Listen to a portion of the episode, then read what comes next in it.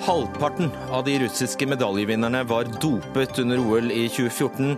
De brukte salt og kaffe for å skjule jukset.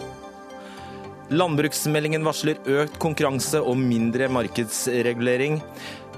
Han angriper landbruket fra alle kanter, landbruksministeren svarer bøndene. Nobels fredspris skal gå til den eller de som skapte mest fred. Da er det jo rart at det bare er én, plass, eh, én part på plass i Oslo foran morgendagens utdeling. Burde ikke FARC vært her? Og viktige telefoner må tas på do, pulten må ryddes hver dag. Sånn ser byråkratene for seg at det blir å jobbe i åpent landskap i det nye regjeringskvartalet, og hos oss møter de arkitekten som elsker åpne kontorlandskap.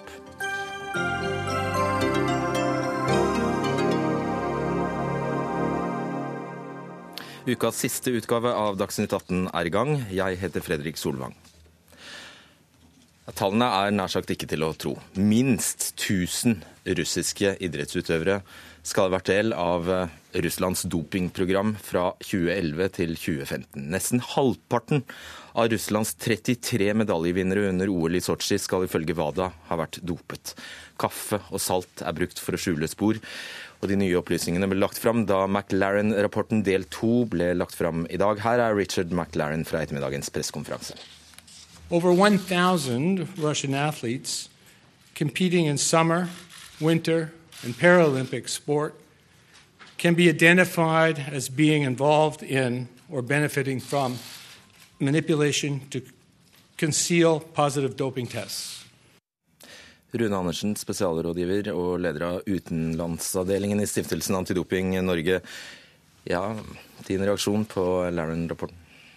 Nei, Dette er jo svært alvorlig for alle oss som er involvert i dette, men ikke minst for de rene utøverne som lider under av at så mange utøvere i i hvert fall ett land har jukset på den måten de har gjort. Dette er alvorlig fordi Eh, antallet er stort, men også fordi dette er snakk om statlig styrt doping. Og ikke bare statlig styrt fra det russiske idrettsdepartementet, men også gjennom eh, det, det hemmelige politiet, eh, sikkerhetspolitiet og andre som har bidratt til å dekke over denne, denne juksingen. Og det kan man nå uten tvil slå fast? Ja, jeg tror at det som ble fremlagt 18.07 i år, men også i dag, sier noe om omfanget, men det sier også noe om de bevisene som legges frem. Blant annet er det lagt frem over 4000 Excel-ark med bevis som tyder på at um, de prøvene som er tatt, de prøvene som er analysert, de eh, påviser veldig klart at dette her er reelt. Hvilken parallell virkelighet eh, befinner det russiske sportsministeriet seg i dag, når de, i, i dag, når de eh, kategorisk tilbakeviser at det er snakk om noen, noe systematisk statlig dopingprogram? Dette skjedde i juli, da den første rapporten kom. Dette skjer nå igjen, fra det russiske idrettsdepartementet og fra andre i Russland. Jeg tror det første som russerne er nødt til å innse, er at de må innrømme, og de må se at her er det et problem. Hvis ikke så kommer man ikke videre. Eh, så jeg tror at eh, dette er viktig for russerne selv å, å gjøre noe med, faktisk. Inga Lerheim, du er professor i medisin og er vel den i Norge som har jobbet lengst med antidopingarbeid. Jobbet internasjonalt med temaet siden 1980. Eh, ja, Gerhard Heiberg sier dette er den største idrettsskandalen noensinne. Deler du en slik eh, vurdering? Ja, jeg støtter eh, Gerhard i det. Vi er jo mange som har opplevd et utall av skandaler Eh, i løpet av de senere tiår fra mange nasjoner. Men dette overgår alt som eh, noen jeg kjenner iallfall har vært i nærheten av å få høre om. Fordi det er så mange, eller fordi det er så systematisk, eller begge deler? Begge deler. Eh, det er, som Rune sier, statsstyrt. Og altså styrt fra øverste politiske hylle gjennom Sportsdepartementet og sportsminister. Eh, den nå avgåtte sportsminister i, i, Russland. Men vi har jo sett eksempler på, eh, altså parallelle eksempler også i gamle Sovjetunionen, og for ikke å snakke om i DDR. Men det er historie. Dette her er av et uh, volum og en systematikk trekk eh, som er eh, skremmende. Og det at hemmelige agenter er plantet inn i antidopingmiljøet, altså i, i de rom hvor dopingprøver er oppbevart for analyse dagen etter at de er avlagt. Det viser jo også at dette er nøye planlagt og grundig og helt utrolig gjennomført. Bare fortell den historien for oss, er du snill.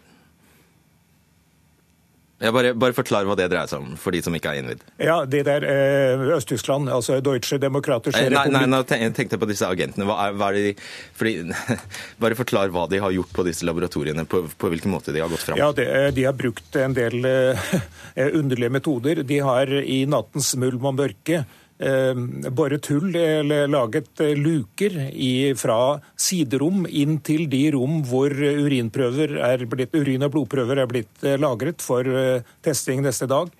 Tatt dem ut og byttet inn med, med rene prøver, altså prøver som de ved egne analyser visste var dopingfrie.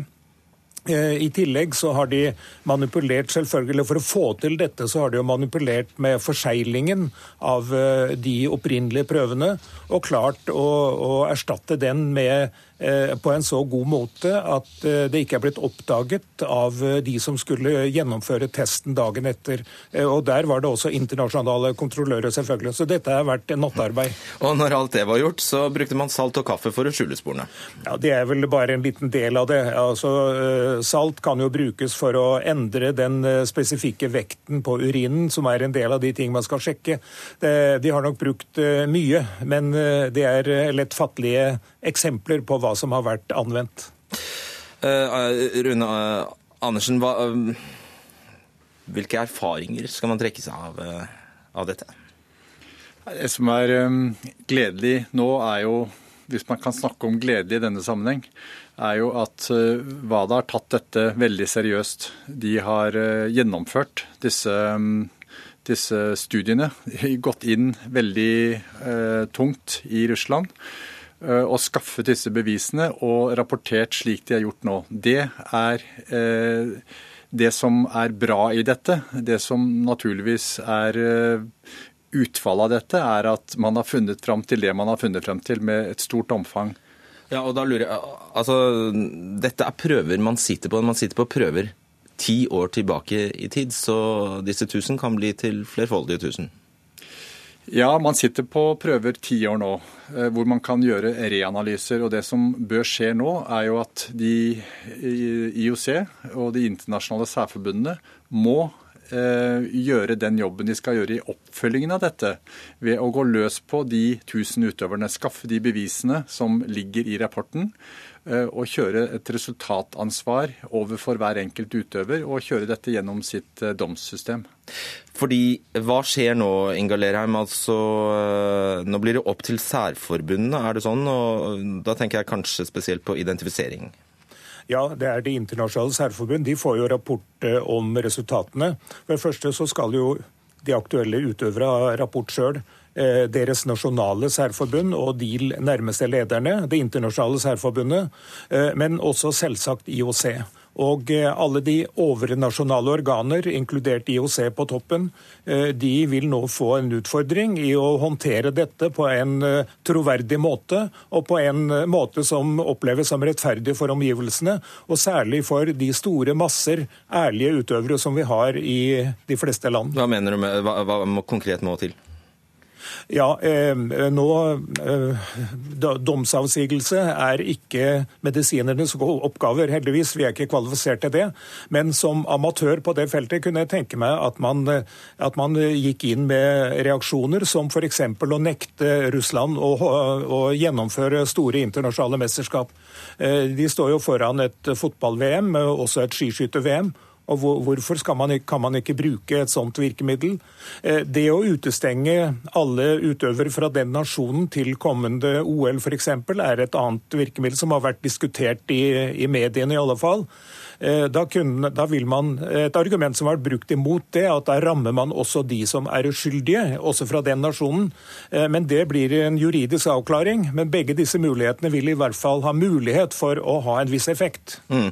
Og Andersen, Selvfølgelig vil spekulasjonene gå høyt, så det må jo være i alles interesse her at eh, navnene på juksemakerne kommer ut så fort som eh, mulig. F.eks. ble det tredobbelt eh, russisk på femmila i Sotsji, og hvis det er juksemakere der, så er det vel fint for alle å få vite. Ja, det, det er helt klart at de navnene må frem så fort som mulig. Men det skal være en prosess som foregår, som ivaretar rettssikkerheten til enhver utøver i en prosess som, som går på de bevisene som foreligger, og en eh, domsavsigelse i et domsorgan. Så den prosessen må gå sin gang. Du, disse dopingsakene til Martin Jonsbu Sundbu, eh, Jonsrud Sundby og Therese Johaug, de blekner litt? Det syns jeg ikke det er riktig å si. Det er klart Man snakker om 1000 utøvere i et naboland, som Russland jo er til Norge. Så er det en, en dopingsak av voldsomme dimensjoner. Men vi i Norge vi har to dopingsaker som er alvorlige nok for oss. Det er nært oss. Og, og vi må ta det i tur med det på, på den måten som vi, vi gjør det i Norge. Inga Lerheim, eh, altså hvis russerne da har gjort noe så, såpass utrolig som å sette i gang et uh, statlig sanksjonert uh, dopingprogram, er det noen grunn til at de ikke skulle ha dopet alle? Nei, det, det, det, spørsmålet er helt rimelig å stille. Det har jo vært politisk styrt tidligere. Jeg kjenner jo til mange eksempler hvor utøver sier at hvis de ikke lar seg dope eller tar de såkalte Eh, medikamenter som de har fått eh, gitt av ledelsen i, i, forbundet, så blir de kastet ut av landslaget, og da får de ikke se andre land, de får ikke utreisetillatelse osv. Så, videre. så det har, vært, det har vært anvendt pressmidler mot utøvere i eh, generasjonsvis. Så dette er ikke noe nytt, men jeg forstår veldig godt de sterke reaksjoner som nå kommer. Mm. Og avslutningsvis, Rune Andersen sa det var en trist dag selvfølgelig for all idrett, dette her. Virker dette demotiverende eller motiverende for eh, la oss si, de norske utøverne? Ja, det er gjort en fabelaktig jobb fra WADAs side på å avsløre dette. Det må vi være eh, glad for at har skjedd. Eh, og så må vi som er midt oppi dette, både nasjonalt og internasjonalt, bare jobbe videre for at dette skal skje i mye større grad eh, ved avsløring av det som måtte være av, av doping i, i, de ulike land. Mm. Og Vi kan avslutningsvis bare føye til at Martin eh, Jonsrud Sundby, som da ble nummer fire på femmila i Sotsji, han har sagt at han, han ønsker seg ikke noen medalje i posten. Takk skal dere ha, Rune Andersen og Inga Lerheim. Dagsnytt 18 alle hverdager kl 18.00 på NRK P2 og NRK2.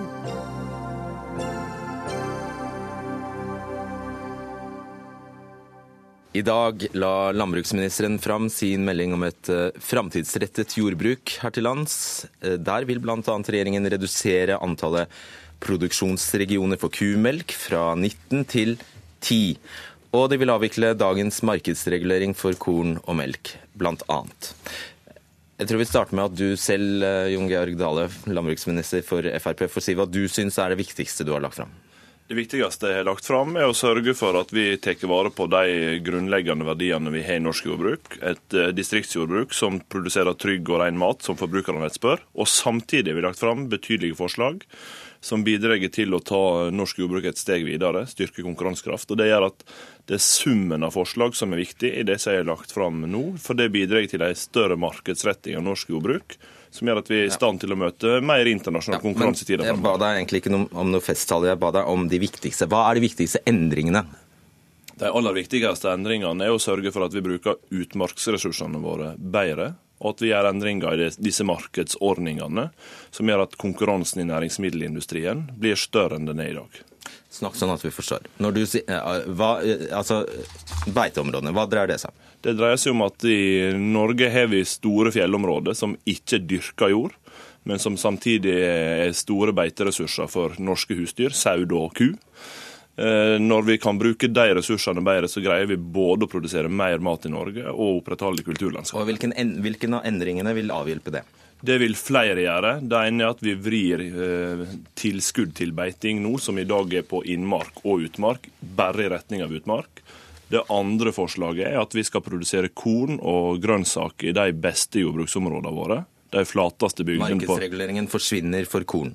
Markedsreguleringa forsvinner for korn i regi av norske felleskjøp, men det vil Mm, fortsatt, legges være, det vil fortsatt være preferanse for norske kornbønder. Okay. Men noe av det du får aller mest kjeft for, er uh, dette forsøket på omkamp, nemlig å redusere antallet uh, produksjonsregioner for, eh, for kumelk fra 19 til 10. Det har jeg også registrert at det har vært mange diskusjoner rundt. Jeg mener likevel. Men si hvorfor du gjør det, du. Det er flere grunner til det. Men det aller viktigste er at vi skal gjennom en regionreform. Den skal vi gå fra 19 til 10. Det er Ja, det går kjempebra. Så Jo. det ser vi jo. Jo, men vi skal gjennomføre det. Og jeg tror at det er fornuftig at jordbruket innretter seg på samme måte. Er det begrunnelsen? Det er en av begrunnelsene. Jeg mener samtidig at det bidrar til at vi har større fleksibilitet i kvotemarkedet. Hvorfor det? Fordi at i dag er det sånn at i veldig mange områder er det høy, høy etterspørsel etter å produsere melk. I andre områder er det lav etterspørsel, og kvotene får ikke flytte mellom fylka. Hvis vi kan gjøre det i noe større grad, kan vi styrke det samla grunnlaget for produksjon. Mer konsentrert produksjon, altså. Nei, men eh, i samla Det var jo det du sa. Ja, nei, om det blir ikke nødvendigvis mer konsentrert om noe av den produksjonen som i dag ligger på grensa i Sør-Trøndelag, flytta til andre sida av grensa i Nord-Trøndelag.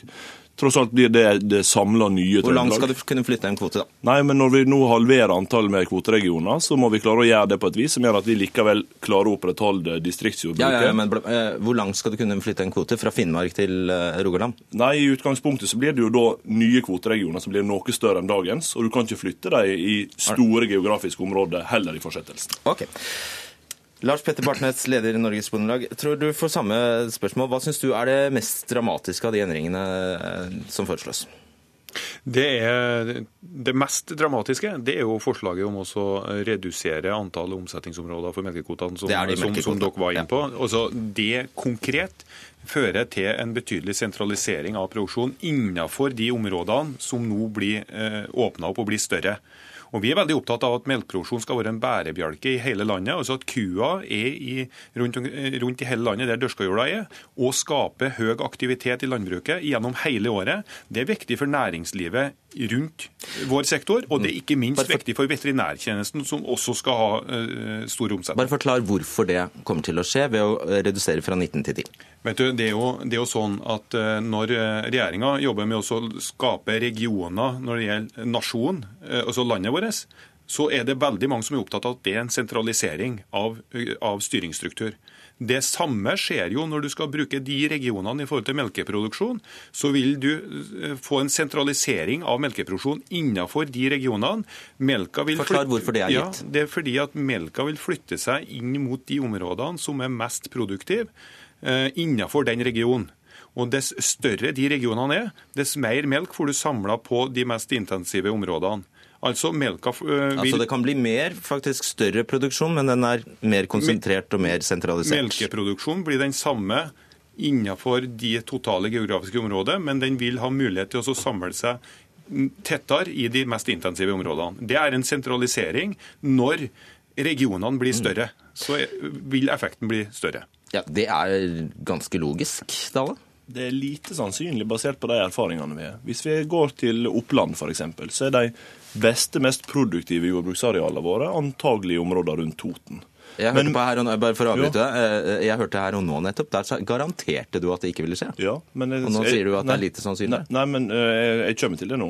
Fordi at, at Hvis vi ser på erfaringene fra Oppland, så betyr det at selv om de mest produktive arealene ligger på Toten, så ligger melkeproduksjon i Valdres og i Gudbrandsdalen. Og Grunnen til det er det mange andre virkemidler som er vesentlig mer av betydning enn kvoteregionene alene. Og så har jeg sagt at jeg kan garantere at de som frykter at vi nå skal flytte melkeproduksjonen fra Ryfylke til Jæren, de kan ta for gitt at slik vil det ikke bli, for de mest sentrale områdene dit all produksjon normalt sett kan flyttes, mener jeg fortsatt bør framstå som egne regioner, slik at du beholder et desentralisert jordbruk. Det har jeg handlingsrom til å gjøre med den meldinga jeg har lagt på bordet nå. Ok, Da smiler du bare.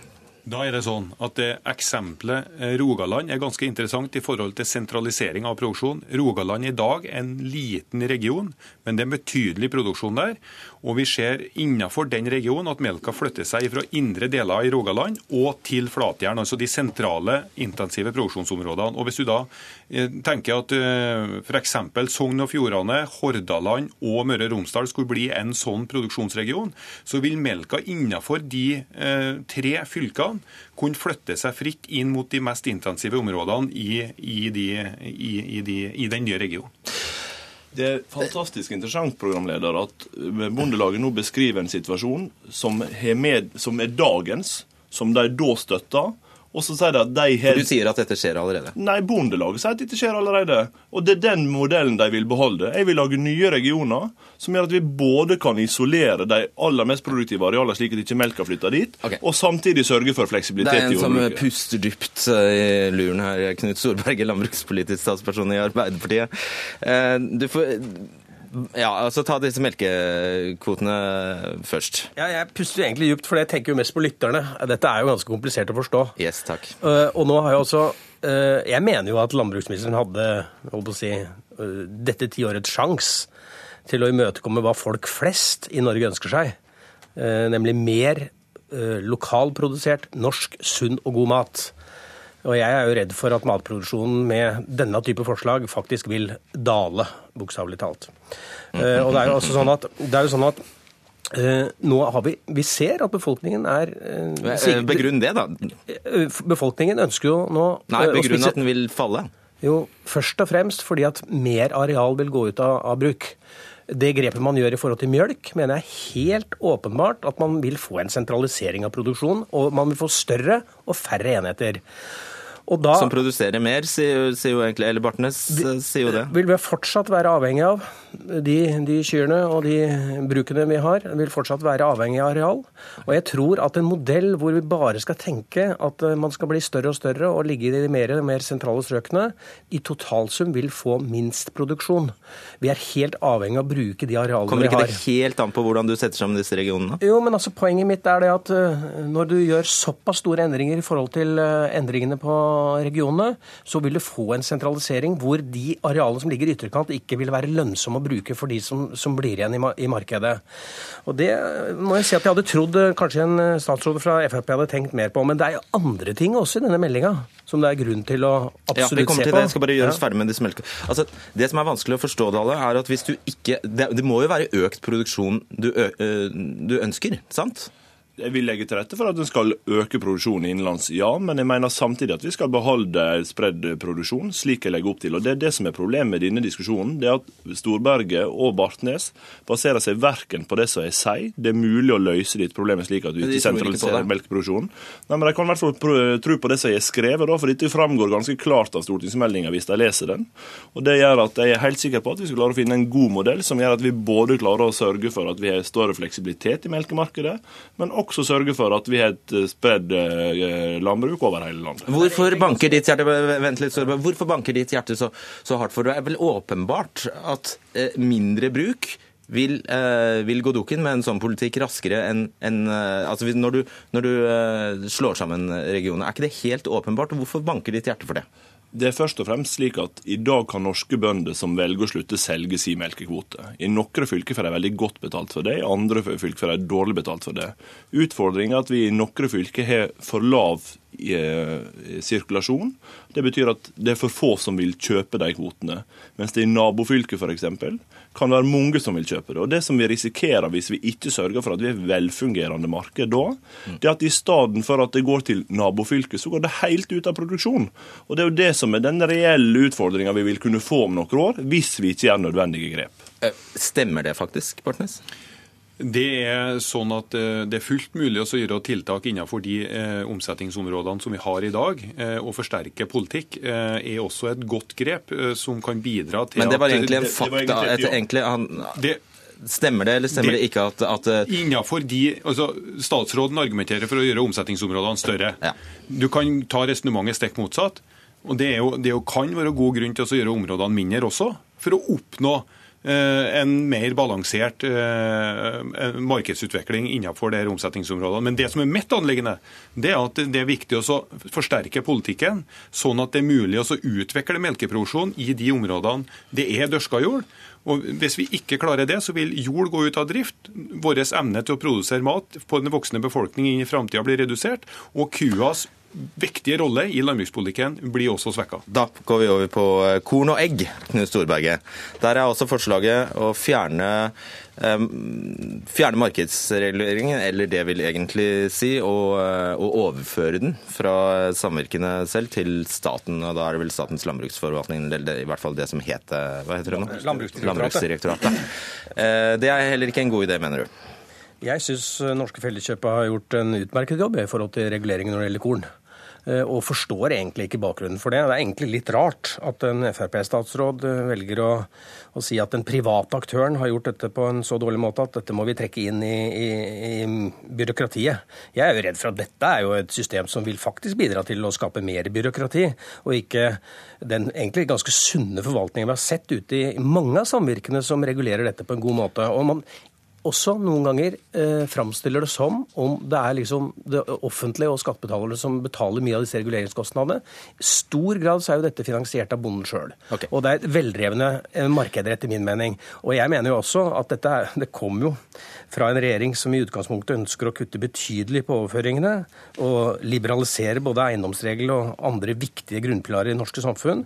Og jeg mener at Her ser vi liksom første skritt på en nedbygging som vi ikke ønsker oss, og som vil resultere i at det er markedet til slutt som bestemmer. Og de land som har prøvd det, det er jo land i dag som sliter med produksjon. Se på Danmark. Ok, Hvorfor gjør du det? Det er fordi at de har en helt annen virkelighetsoppfatning enn Storberget. Det siste året har vært prega av i kornmarkedet har vært prega av uh, uro. Av flere aktører som har stilt spørsmålstegn ved hvordan eh, det norske felleskjøpet forvalter sitt uh, ansvar som markedsregulator. Det har endt med at din... uh, Skal vi forklare hva markedsregulator innebærer? Ja, det betyr, det betyr, at det er norske felleskjøp som balanserer tiltak i markedet. Det betyr at de gir råd om hvordan vi skal importere mer korn, f.eks. i perioder der vi har ikke har nok korn som er produsert i Norge. Men Men i de, de siste månedene Så det er kornbøndene selv som sitter og gjør det? Ja, det er, feil, ja, det er, altså, det er jo de, de, som eier, de som eier Felleskjøpet. Men, men, men, det viktige her er altså at bare de siste månedene så har jeg altså på bakgrunn av mine spørsmål til Norske Felleskjøp Felleskjøpet sjøl måtte ha sagt opp eksklusivitetsavtaler som de har hatt i kornmarkedet, som de sjøl skriver i brev til departementet, at faktisk kan ha bidratt til å svekke konkurransen i markedet. Og at Knut Storberg opplever det som et velfungerende marked, det sier vel litt om hvor lite markedsrettet Knut Storberg er. Å bygge opp et statlig byråkrati som skal erstatte dette? Nei, I sum så avvikler i dag markedsreguleringsordningene, men det beholder noen balanseringstiltak, f.eks. fastsetting av importkvote, som også også Landbruksdirektoratet gjør i dag, men i dag på etter råd fra Felleskjøpet. Nå gir jeg den beslutninga til okay, direktoratet alene. Så tittelen for, for, for, deg uh, på det, den endringen er altså økt konkurranse, punktum. Uh, men, men uh, Bartnes, altså, prinsippet her om at bukken passer havresekken, er det vanskelig å, å forsvare? Eh, nei, det er det ikke. Fordi Det er ut ifra tre ting. For det første så er det effektivt, altså det er kostnadseffektivt for samfunnet at det disse eh, markedsregulatorene er samvirkebasert. For det er bonden som betaler regninga. Det er jo helt fantastisk. Nummer to så er det sånn at det er en effektiv måte å gjøre det på, fordi de markedsregulatorene sitter i verdikjeden og kjenner både markedet og vareoppstrømmen, altså råvareoppstrømmen. Nummer tre det Hjelmeng-utvalget som ble nedsatt av regjeringa, som skulle se på markedsbalansering i stort, konkluderte i sin rapport med at markedsreguleringene fungerte etter intensjon. Sånn at I sum så mener jeg det at vi har gode holdepunkt for at disse eh, samvirkene som er bondeeid, som gjør et godt samfunnsoppdrag i å regulere markedene, har opptrådt ryddig og riktig. Så du tror ikke konkurransen kunne ha blitt bedre?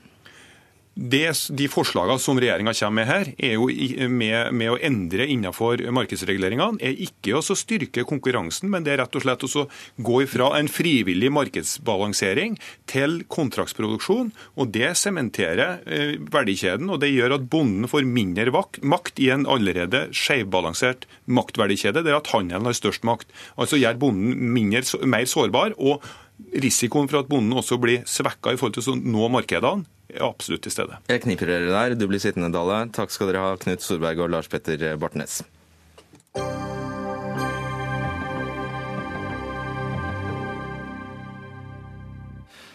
For den samme Dale vil avvikle prosentmålet for økologisk produksjon og omsetning av økologisk mat og drikke.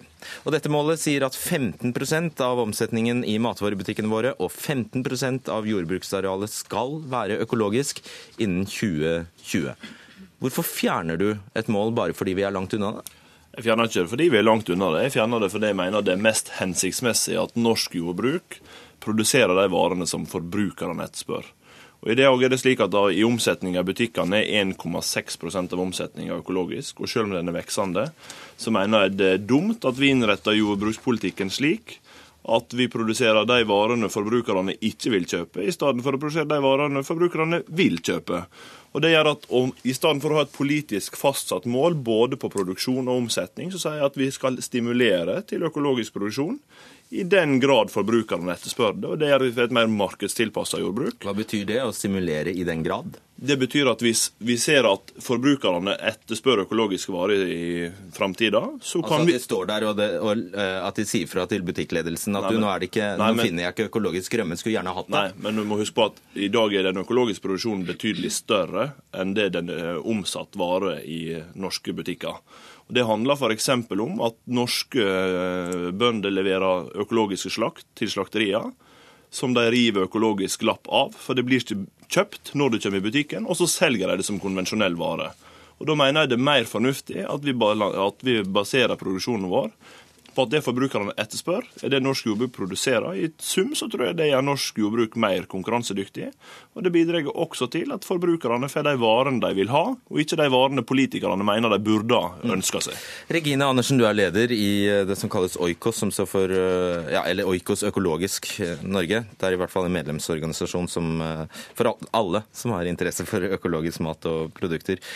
Dale har rett. Det er bare 1,6 eller 1,5% av den totale omsetningen i matbutikkene våre som er økologisk. Og det til tross for dette soleklare målet om 15% som har vært der siden 2010. Nettopp. 1,6 er da omsetningen i dag. Eh, men det betyr ikke at det er stor etterspørsel etter disse varene. Det er rundt en fjerdedel av eh, Betyr ikke at det ikke er det? Mener jeg. Eh, nei, jeg mener at en fjerdedel av forbrukerne er opptatt av økologisk mat. Det betyr ikke at de kjøper all maten økologisk, men at de velger noen varer som er økologisk. Og vi har et voksende marked. Det er 22% vekst bare i første halvår i 2016. I Coop hadde de en vekst på 70% i første halvår 2016. Ja, Men 1,6 er vi ikke uenige om. Nei, det er vi ikke uenige om. men det er et økende marked. Og det er også et ønske fra en rekke produsenter om å legge om. Eh, og det er slik at eh, dersom man skal klare å øke produksjonen i Norge, så trenger vi å ha forutsigbare mål. Men hvis det er sånn, så er det jo bare å gå og kjøpe det? Det er jo bare å gå og kjøpe det der man får det der, der på tilbud. holdt jeg på å si, Der man får det i butikken. Der kan man gå og kjøpe det. Men det er jo ikke slik at uh, produktene når ut til forbrukerne overalt. Og framfor alt så er det jo slik at Men ja, der, der falt jeg av. Der falt du av. Ja, Poenget er at uh, det er jo uh, et godt tilbud i byene, f.eks. Men det er ikke så godt tilbud utover i landet. Og det trengs veldig mye mer både tilrettelegging og informasjon for at forbrukerne skal forstå hva økologisk produksjon og mm. Du har ikke filosofert over det spriket du, som, som, er der da, mellom folks uttalte interesse for økologisk mat og det de faktisk kjøper? Hva det kan komme av? Eh, altså Det er jo slik at folk kjøper eh, en del økologiske varer. Ja, 1,6 ja, ja, nettopp. ja, Men at man er interessert i økologisk mat av den grunn, det ja. ja jeg tenker at det er fint å, fint å svare i en spørreundersøkelse at ja, jeg er kjempeinteressert i økologisk mat. Ja. Ja, så når det kommer til stykket, så går du ikke og kjøper det. Men poenget er i hvert fall at det er en vekst i markedet, og at det er også eh, et behov for å øke. Og det, poenget mitt, et viktig poeng, er at denne veksten i markedet den eh, blir nå i større, stadig større grad tilfredsstilt med import. Eh, av de viktigste produktgruppene. Altså, eh, Dale sier jo her at når det gjelder enkelte produktgrupper, melk og kjøtt f.eks., så er ikke anvendelsesgraden så høy. Altså, det Nei, det betyr, som han sier, at faktisk økologisk melk blir solgt som helt vanlig melk, fordi ja. det ikke er mulig å selge den økologiske melka ja, som økologisk melk. Det betyr ikke at all økologisk melk blir solgt på den måten, men at uh, cirka, Uh, ja, rundt halvparten da selges på den måten. Og hva skader det, hva, hva skader det å ha at Stortinget, og dette er et mål satt av Stortinget, så det er ikke noe du bare sånn utelukkende kan gjøre, uh, eller endre på, men hva skader det? Nei, Først og fremst så mener jeg at vi skal, må ha en landbruksproduksjon som harmonerer med etterspørsel. Og Det betyr at Stortinget blir nå invitert til å gjøre om på denne målsettinga, velge en modell der en i større grad baserer seg på etterspørsel. Og det, det, det grunnleggende poenget her er jo at norske forbrukere kjøper den varen de vil. Og Det er helt, det er helt rett som Oikos presiserer. Den Alternativet til det er at vi stadig påvirker forbrukerne til å velge varer som vi mener forbrukerne heller burde ønske å kjøpe. Er det ikke derfor vi har et storting? Jo, men jeg mener likevel at det viktigste målet vi har i Norge, er at vi skal øke vår samla jordbruksproduksjon. Eller hvis vi mener at økologisk og, landbruk er bra, så ja, kan, bør vel Stortinget sette seg mål for det? Og, det, det, det, neste poenget mitt er at konvensjonell produksjon i Norge også er veldig bra. Og det, det som gjør at mange andre land, tror jeg, har en høyere etterspørsel etter økologisk sammenlignet med Norge, er at avstanden mellom den konvensjonelle produksjonen og den økologiske for veldig mange norske forbrukere vil framstå som liten i Norge, mens den vil framstå som mye større i land der vi har en annen type ja, konvensjonell produksjon. Der kan du få gi et spark til eh, både Tine, Tine med flere. fordi eh, det er jo et eh, poeng når Tine markedsfører sine Tine og Nortura markedsfører sine konvensjonelle landbruksvarer som det reineste og fineste du kan kjøpe, så eh, faller jo en del argumenter vekk for økologisk. Vi har et, vi har et veldig bra eh, landbruk i Norge. Eh, det, skal, det, er jeg helt enig med Jon Georg Dale i. Eh, og det skal vi være stolte av. Og så har vi et veldig godt økologisk landbruk i Norge også, som viser vei og peker vei for et mer bærekraftig, miljøvennlig landbruk. Et, mer, et landbruk med mer dyrevelferd. Eh, et landbruk som gir mat som ikke har sprøytemiddelrester, eh, som ikke har kunstige tilsetningsstoffer. Og dette er områder som er omtalt i landbruksmeldinga med meget pene ord, vil jeg si. Eh, og det syns jeg er ganske viktig å framheve. Og har man det som mål, så er det, eller har man det som en, en uttalt på en måte begrunnelse for den politikken man skal utøve på et område, så er det veldig rart for meg at det bare er etterspørselen som skal styre eh, denne utviklingen. Fordi at det må jo være ganske maktpåliggende at man setter seg klare mål for dette her. Mm. Dale, eh, Riksrevisjonen slaktet i eh, vinter regjeringens eh, økopolitikk og sa det står til stryk og de kritiserte nettopp eh, kutt i stimuleringstiltak og manglende innkjøp, statens manglende innkjøp av økologisk mat. Så det er sabotasje. Det er ikke rart det går så dårlig? Nei, eh, Vi har hatt for dårlig oppfølging fra vekslende regjeringer for å nå de politiske målsettingene som er satt. Det er ingen tvil om. Ellers hadde vi hatt, vært mye nærmere 15 %-målet enn vi er. Så det har jo også varsla Riksrevisjonen at jeg har tatt en del av den kritikken. og jeg, gjennom jordbruksoppgjør... Og svaret ditt er å fjerne målet? Nei, men det, ja, men, og, Vi debatterte jo dette med Riksrevisjonen eh, her tidligere i vår. Da sa jo også de at det de kritiserer, først og fremst måloppnåelse. Jeg har jo etter det, både gjennom jordbruksavtalen, stimulert til uh, mer økologisk produksjon. Og jeg har varsla at vi skal lage en strategi fra regjeringens side for å følge opp de målene, gitt at de blir stående. Men jeg mener at det var rett tidspunkt nå til å varsle Stortinget om punkt 1. Jeg tror ikke vi kommer til å nå 15 %-målet til 2020. Og punkt 2. Jeg tror norske bønder og norske forbrukere er bedre tjent med at vi produserer de varene som forbrukerne etterspør, okay. i stedet for å ha politiske målsettinger. For å øke produksjonen av økologisk mat, så trenger bonden forutsigbarhet og langsiktighet. Og det får man bare med en langsiktig og trygg politikk tuftet på tydelige mål. Ja, og, og det nytter ikke å fjerne målene da. Det vil gi et alvorlig tilbakeslag for eh, norsk produksjon av økologisk mat. Ut fra det jeg leser i dag, eh, Dale, så kan du skyte en hvit pil etter å få flertall for dette her. Det gjenstår å se. Ja. Takk skal dere ha, Gunn Georg Dale og Regine Andersen.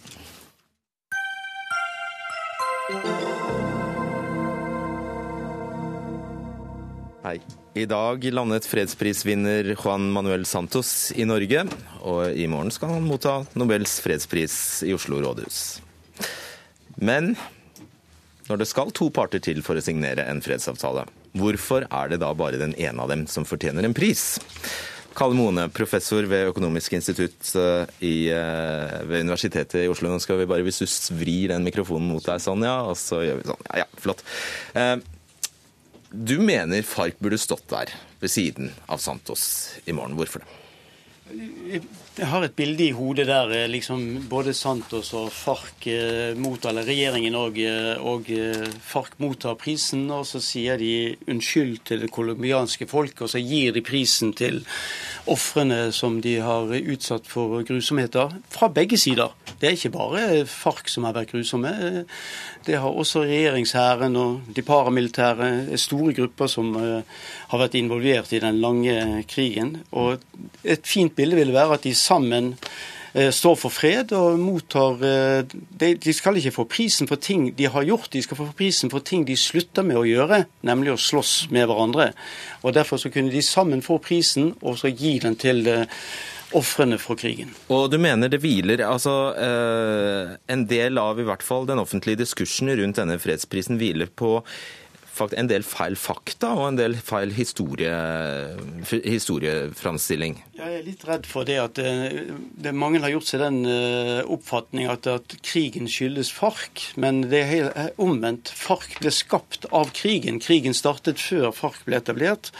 Og FARC startet opprinnelig med de aller beste intensjoner, vil jeg tro, for å hjelpe små grupper som hadde kommunistiske sympatier på landsbygda, som ble utsatt for ganske brutal vold, bl.a. fra regjeringsstyrker og støttet av amerikansk eh, regjering langt tilbake på 60-tallet. FARC ble dannet i 64.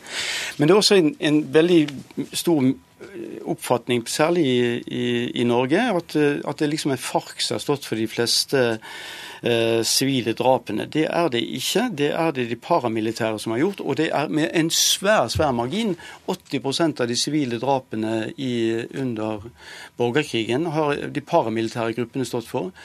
8% tror det er som er for uh, regjeringshæren.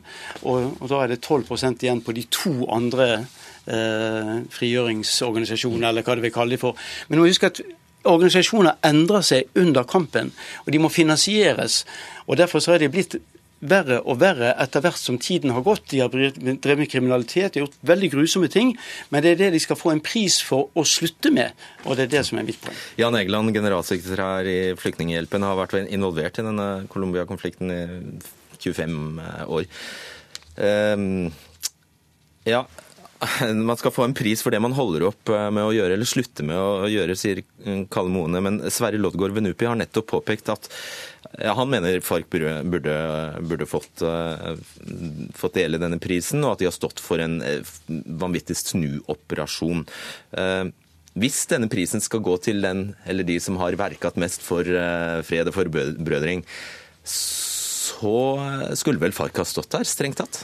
Jeg skulle gjerne sett dem stå der. Eh, da vi holdt på og forhandlet i 1999 til 2002, så etter en av årsakene vi ikke nådde fram til noe som helst, var det at, eh, at FARC egentlig ikke ønsket å forhandle en fredsavtale. De var tre ganger så store som det er i dag, og, de, og de, var, eh, de, var, ikke modne for dette. Det er den nåværende ledelsen. Men så rettferdighetsmessig så, så, burde de stå begge to nå og ta imot prisen.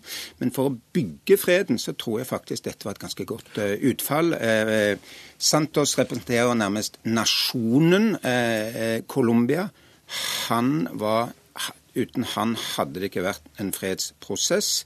Eh, og så kan man si partene er FARC og hæren, og, og, de kommer ikke opp på podiet denne gangen. Nå bygger man det nye Colombia. Jeg tror det var bra som det gikk. Ja, Det er interessant at du sier det. for Det, det, det er jo egentlig et konsensussyn du gir uttrykk for der. At, at er, nå skal man bygge freden. Men er det i henhold til er det i tråd med statuttene?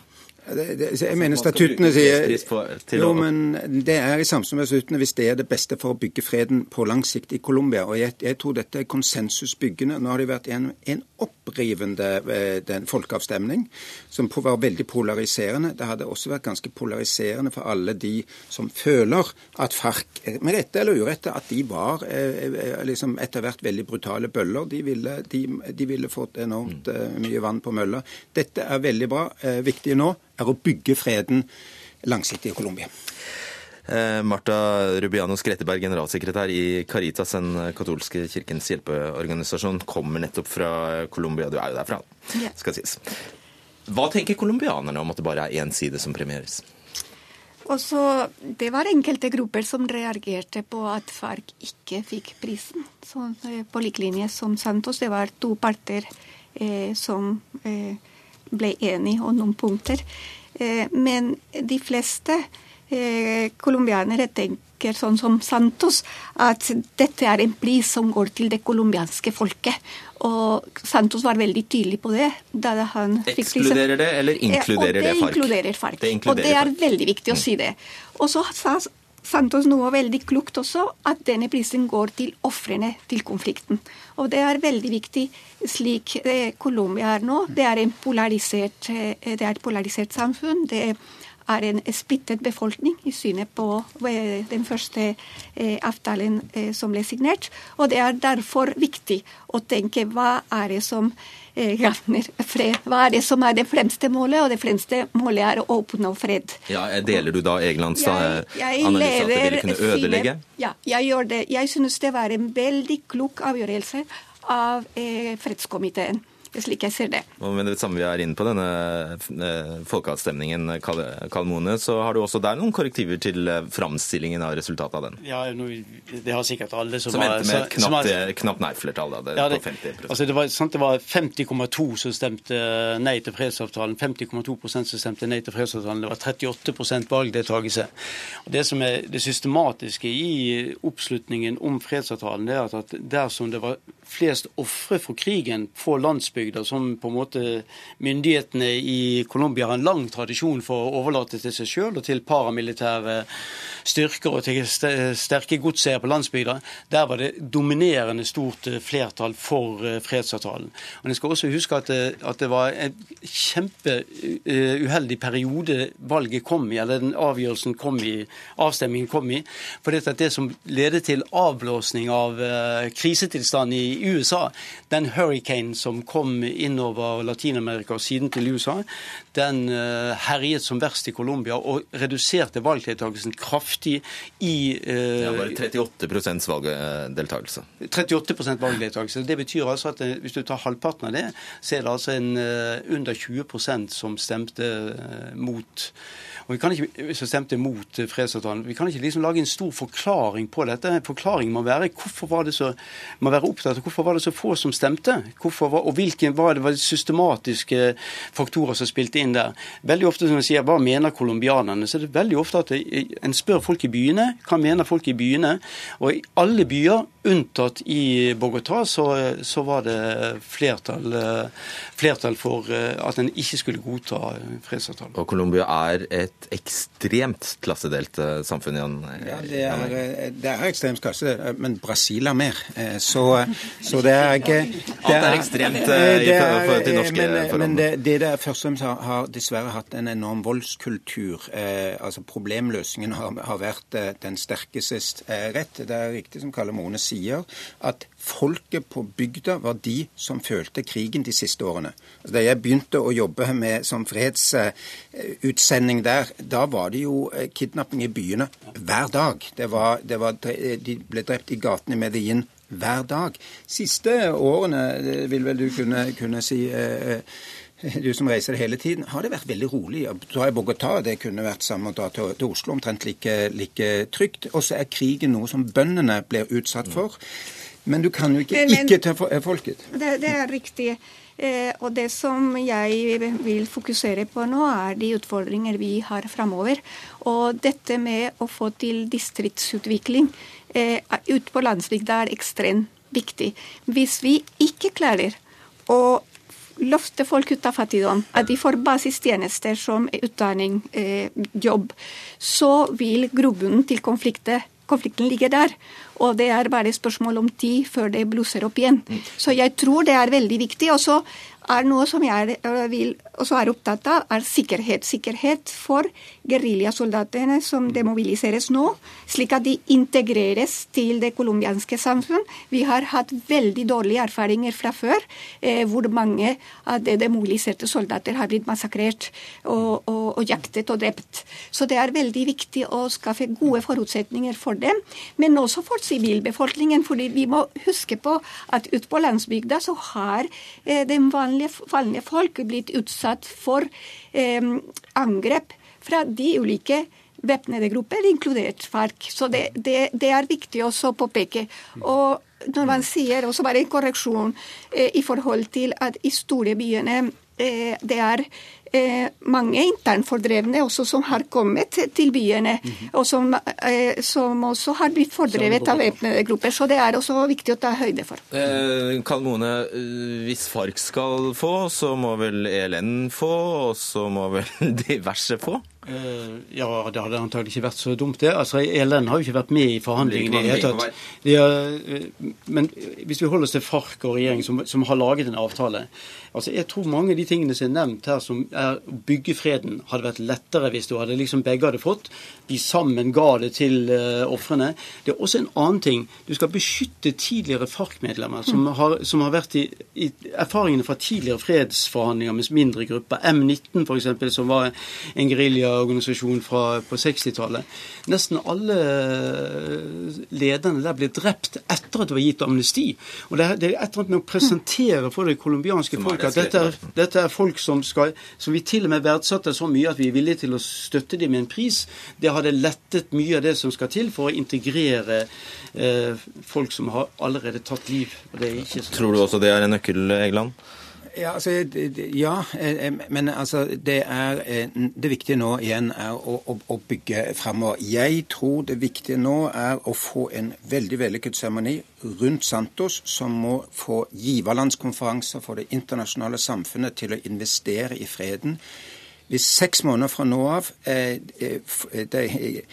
menn i 30-årene på landsbygda sier jeg er like lut fattig, det er fortsatt ikke jobb. Eh, jeg, eh, jeg eh, sitter her i en, i en leir, eh, har ikke framtid. Ja, da blir det som etter fredsavtalen i Guatemala.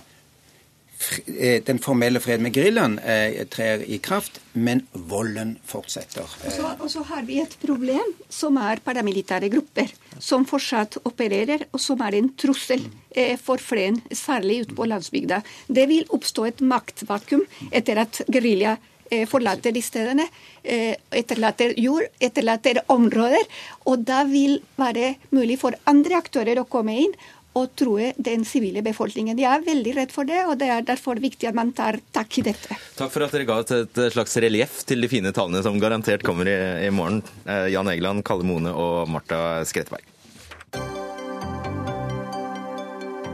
Hør Dagsnytt 18 når du vil. Radio NRK Radio.nrk.no.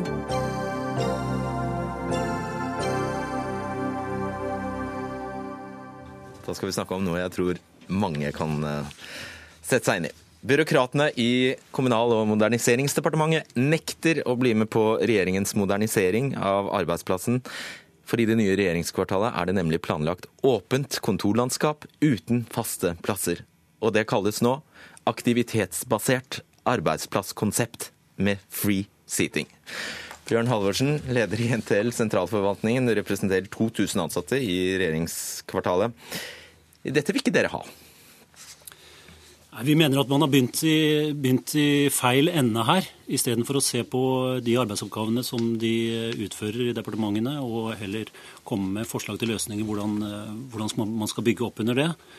Så har man eh, kommet med noen, noen forslag om noen fancy eh, løsninger eh, som bl.a. interiørarkitekter har foreslått, om hvordan, hvordan framtidens arbeidsliv skal være.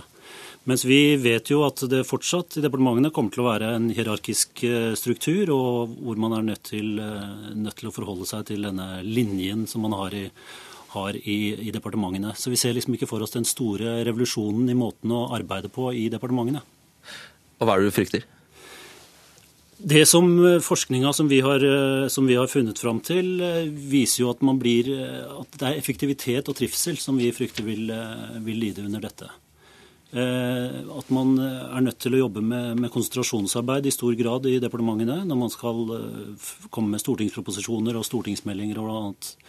Eh, Så er det nødt til å jobbe konsentrert, og at man da er avhengig av å ha en, helst en lukket dør å jobbe bak i en periode. Og hvis du ikke har det, så må du nesten gjøre det på do eller et eller annet sted?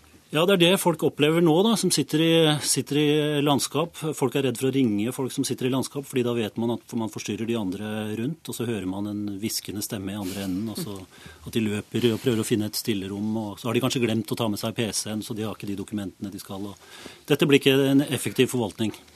Nei, det skjønner vi. Eh, Elisabeth Paus, du er interiørarkitekt, leder i IARK. Eh, står bak en rekke åpne kontorlandskap.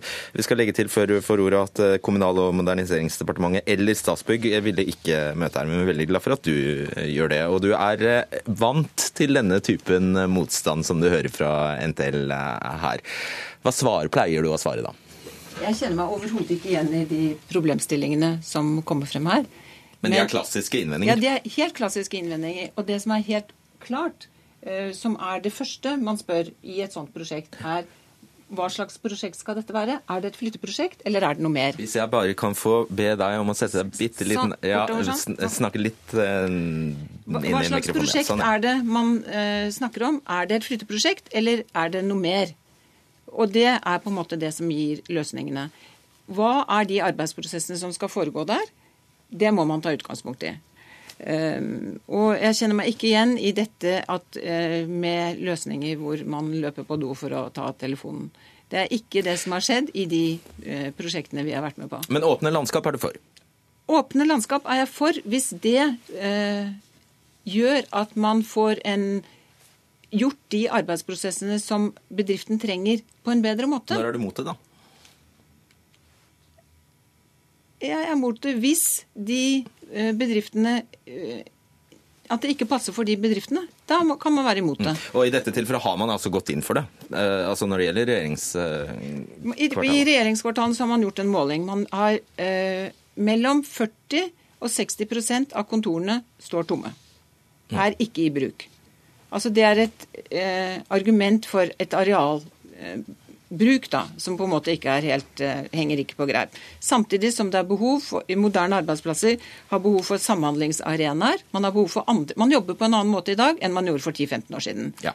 Det, er, det, kan vi være enige om. Er det, er det konvensjonelle kontorer dere ønsker dere? Helt vanlige kontorer? Ja, altså bare først så har, har de eh, I regjeringskvartalet så har de jo fulgt med på den teknologiske utviklinga hele, hele, veien. Og det er jo ingen som er under så mye omstillinger som, eh, som statsansatte. Så det at de ikke skulle være omstillingsdyktige, det, det ville, jo, eh, vil jo være feil. Altså det, vi, er, vi, er, for at det skal være mange møterom og flere multirom og det de kaller dette her, som er muligheter for samhandling og bedre samarbeid innenfor departementene, og gjerne på tvers av departementsgrensene også. Men at det skal være mulighet for å kunne jobbe, jobbe konsentrert og ikke bli forstyrret av de lydene som oppstår i et landskap, og også det visuelle. Nei, et også, eget rom, altså. Et eget, rom, ja. Eh, et eget rom, En fast plass er noe av det viktigste vi kjemper for nå, da, i hvert fall. ok, dere er der. Dere har gitt dere på, eh, på, eget kontor. Fast plass er, ja, er helst, eh, helst eh, egne kontorer hvor man kan jobbe konsentrert. Men eh, fast plass er den kampen vi kjemper for nå. Eh, ja, paus. Det finnes forskning på dette. Og du, Dere refererer også til forskning. Blant annet et, en, et stort surveybedrift i England som heter Leesman. De har forsket på tilfredsheten ved forskjellige kontorløsninger. De har et, en database på omtrent 200 000 eh, respondenter. Og man sier tilfredsheten ved kontorløsninger er størst. Den største tilfredsheten oppnår man hvis man har åpne kontorløsninger med fritt valg, altså såkalte aktivitetsbaserte løsninger. Det er det som scorer høyest. Det nest høyeste er, kontor, nei, er selvkontor, og det tredje eh, mest populære. mest populære er åpne løsninger med fast plass. Mm. Bare å avklare, avklare, det om det er en skrivefeil i Morgenbladet eller ikke. Altså, det står der at det er lagt opp til 75 eh, underdekning. Stemmer det? Det er rettet på nettutgaven. Okay, eh, det er snakk om 25 ja, underdekning. For det hørtes helt vanvittig ut. Uh, uansett, da. Uh, dere, ha, dere, dere, vil ha 15 kvadrat store kontorer. Er det virkelig det dere krever? 15 kvadrat? Altså, uh, det er snakk om 13 15 kvadratmeter netto nå. Det er jo veldig mye, da. Er, eh, ja, sammenlignet med, med, hva da? Med det vi har, f.eks.? Ja, det kan, du, det kan, du, si. Men det er også for at man, vi har prøvd å imøtekomme dette kravet om at det skal være mulighet for fleksibilitet hvis det blir eh, økning og flytting. og Det er mye flytting mellom departementer med regjeringsskifter og annet. at eh, Jo mer plass man har, jo større, større, mulighet for fleksibilitet er det da. Og Nå har du veldig få sekunder på altså, Har ikke dette med person, det å gjøre kontorplassen litt personlig, med, der du kan ha plass til litt sjal, litt te og noen bilder og sånt, noe å si?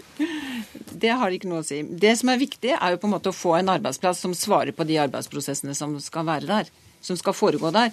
Og selvfølgelig, i en åpen løsning skal det også være eh, stille rom, stillesoner osv. Hjertelig takk. Takk skal dere ha, Bjørn Halvorsen og Elisabeth Paus. Ida Tune Øretsland, Hans Ole Hummelvold og Fredrik Solvang takker for seg og ønsker god helg.